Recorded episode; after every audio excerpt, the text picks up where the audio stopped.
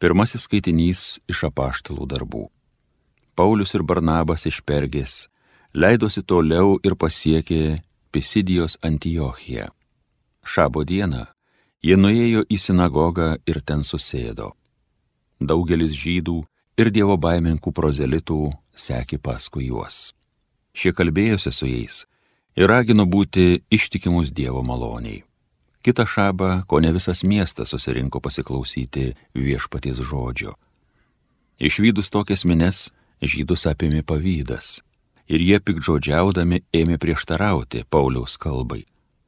Tuomet Paulius ir Barnabas ryštingai pasakė, pirmiausia, jums turėjo būti skelbiamas Dievo žodis, bet kadangi jūs jį atmetate ir patys laikote save nevertais amžinojo gyvenimo, tai mes kreipiamės į pagonis.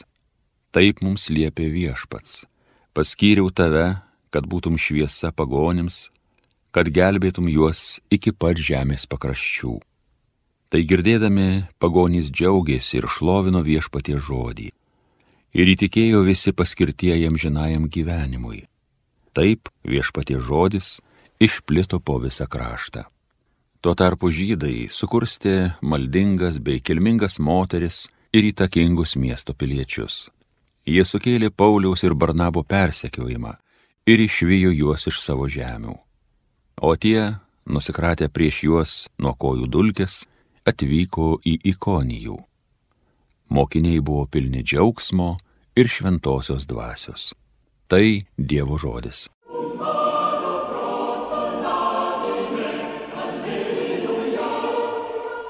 Esam viešpaties liaudės jo kaiminės avys. Viso šalys džiūgaukit Dievui, jam tarnaukite linksmos, jo akivaizdon ženkit džiaugsmingai. Esam viešpaties liaudės jo kaiminės avys. Jis tikras Dievas, žinokit, jis mūsų sukūrė, esam jo žmonės, esam jo liaudis, jo kaiminės avys. Esam viešpaties liaudis, jo kaiminės avys. Viešpats juk geras ir gailestingas per amžius ir per kartų kartas mums atsidavęs. Esam viešpaties liaudis, jo kaimenės avys.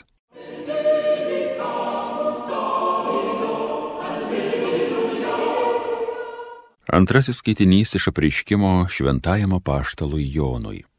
Aš Jonas regėjau, štai milžiniška minė, kurios niekas negalėjo suskaičiuoti iš visų giminių, genčių, tautų ir kalbų.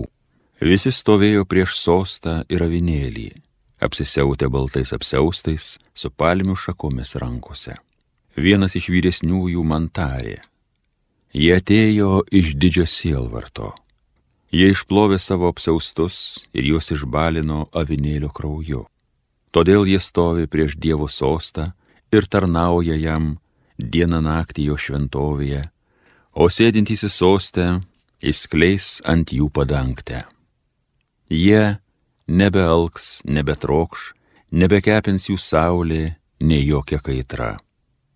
Nesavinėlis, kuris stovi prieš sostą, juos ganys ir vedžios prie gyvybės vandens šaltinių, ir Dievas nušuostys kiekvieną ašarą nuo jų akių. Tai Dievo žodis.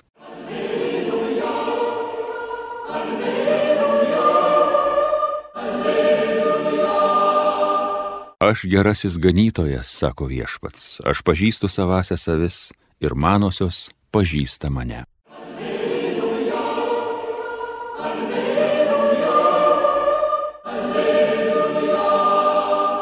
Pasiklausykite šventosios Evangelijos pagal Joną. Jėzus žydams pasakė, manosios avys klauso mano balso, aš jas pažįstu ir jos seka paskui mane. Aš joms duodu amžiną į gyvenimą, jos nežus per amžius ir niekas jų nepagrobs iš mano rankos. Tėvas, kuris man jas davė, yra aukščiau už viską ir niekas jų neišplėš iš tėvo rankos. Aš ir tėvas esame viena. Girdėjote viešpatie žodį.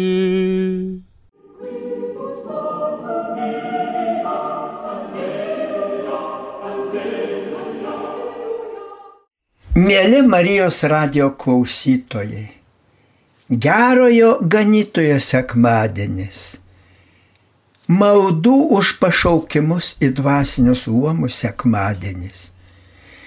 Visi melžiamės, visi trokštame šventų vienuolių, gerų pasišventusių, pasiaukojusių kunigų.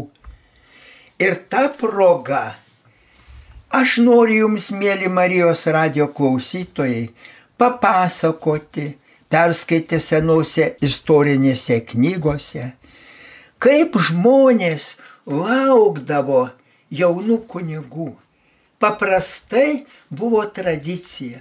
Po išventinimo jaunas kunigėlis turėdavo savo gimtosios parapijos bažnyčioje paukoti pirmasias šventas mišes ir suteikti dalyviams visų pirma giminėms, tėvui, motinai, broliams, seserims primicijinį specialų palaiminimą. Tuo metu prieš porą šimtų metų, kad gautum primicinį palaiminimą, neturtingieji basomis kojomis taip toli nueidavo, būdavo net krūvinos kojos. O turtingesnieji sudėvėdavo batų porą. Ir dar, kad gautų tą primicinį palaiminimą, turėjo paukoti maždaug antrųjų batų kainą. Ir paprastai tose pirmose mišiose, vadinamose primicijose, koks nors žmonių mėgstamas pamokslininkas sakydavo pamokslą. O pamokslai buvo dviejų tipų. Vienas labai didingo pobūdžio, triumfo tiesiog pobūdžio, Kuo iškilmingiausiai reikėjo pavaizduoti įvykio didingumą. Kunigo gyvenimas buvo vaizduojamas kaip esančio dangaus prieangyje. Tik didybė, tik smilkalai, tik gėlės. O pamaldų dalyviai galėjo pajusti jau bažnyčioje. Ne vienas alpo nuo smilkalų. Ta didybės jausmą Ypač visi turėjo pajusti ir dvasia. Visų pirma, kad gautum primicinį palaiminimą, pirmiausia reikėjo atlikti nuoširdžią išpažinti. Ir išpažinties tekdavo laukti valandų valandas. Po to, kuo nuoširdžiau priimama švenčiausias sakramentas. Ir tik tada tas primicinis palaiminimas. Ne tik dvasia, tą didybę ir kūniškai visi pajūsdavo. Nes primicinis pokelis su šimtais dalyvių tęsdavosi kelias dienas ar net savaitės. O kitas tipas pamokslų buvo tragiškas primicinis pamokslas, vaizduojant tragiškai kunigystę. Kunigo gyvenimas buvo taip vaizduojamas, kad ašaroti imdavo visi, o giminės net balsu raudodavo. Juk žmonės tada buvo be kompleksų, be veidmainystės, ką jausdavo, tą ir parodydavo, niekas nebeslėpdavo savo jausmų, kaip dabar nenorima parodyti slepiamasi. Primiciantas paprastai jau vos gyvas nuo visokių pasiruošimų, apieigų repeticijų, svečių prieimimo. Jis jau savaitę laiko atvykstančių svečių produktus turėdavo pats asmeniškai priimti. Sugryžęs po seminarijos studijų, jis dar būdavo ir be sveikatos. Išvargęs nuo studijų, nuo pasninko, nuo kitų dalykų o primicijoms dar aprengtas storiausiais bažnytiniais sprindiniais rūbais, brokatais. Ir atrodė toks mažas, toks sulinkęs, dar dūstantis nuo žmonių tvankos, smilkalų, nubalęs, menkutis, sviruojantis ir karts nuo karto asistos, tai reiškia patarnautojų, prilaikomas, kad nenugriūtų. O dar pamokslininkas sulygindavo jį su pačiu nukryžiuotoju. Kokia nors teta ir užraudos garsiai. Fe, Feliksiukas jau dabar kaip nuo kryžiaus nuimtas dievalis, bet iki to dievalio jam dar toli, toli, tai ir išryškindavo pamokslininkas. Žinoma, tu Feliksiuk esi užsidegęs atversti visus, kaip pats Jėzus Kristus arba bent kaip Jonas Krikštytojas. Reikia pasakyti, kad tada vis tik daug idealizmo būdavo, daug pasiaukojimo. Dar studijuodami, prieš tapdami kunigais, tie jauni studentai klerikai seminarijoje slapta savo tautai versdavo šventai raštą, mokydavosi kalbų ar net išeidavo už tautos laisvę kovoti su sukilėliais. O pamokslininkas gyvaizduodavo primicijantą kaip patį šventai Petrą viešpatė, sakė Petras, kad ir visi tavęs išsigins, aš tai ne.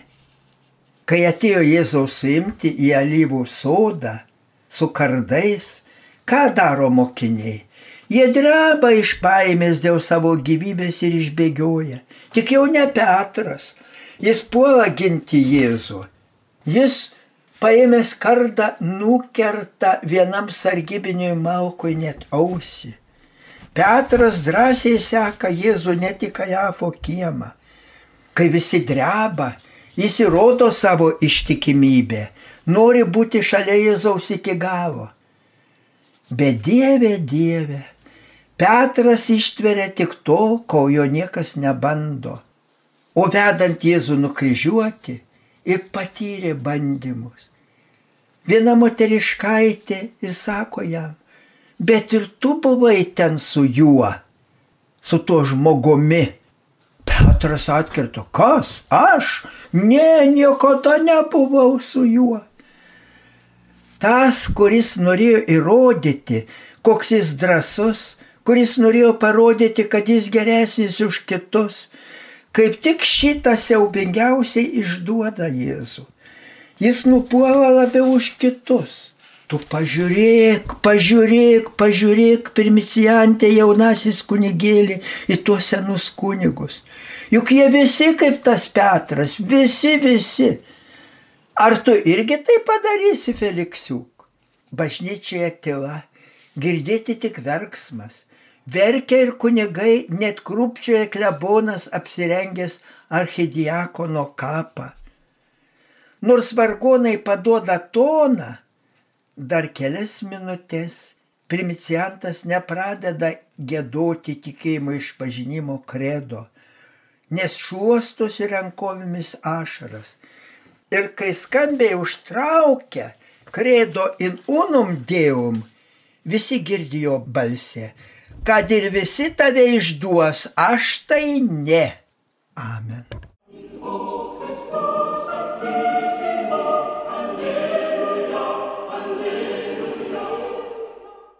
Evangeliją gėdojo kunigas daktaras Vilius Sikorskas.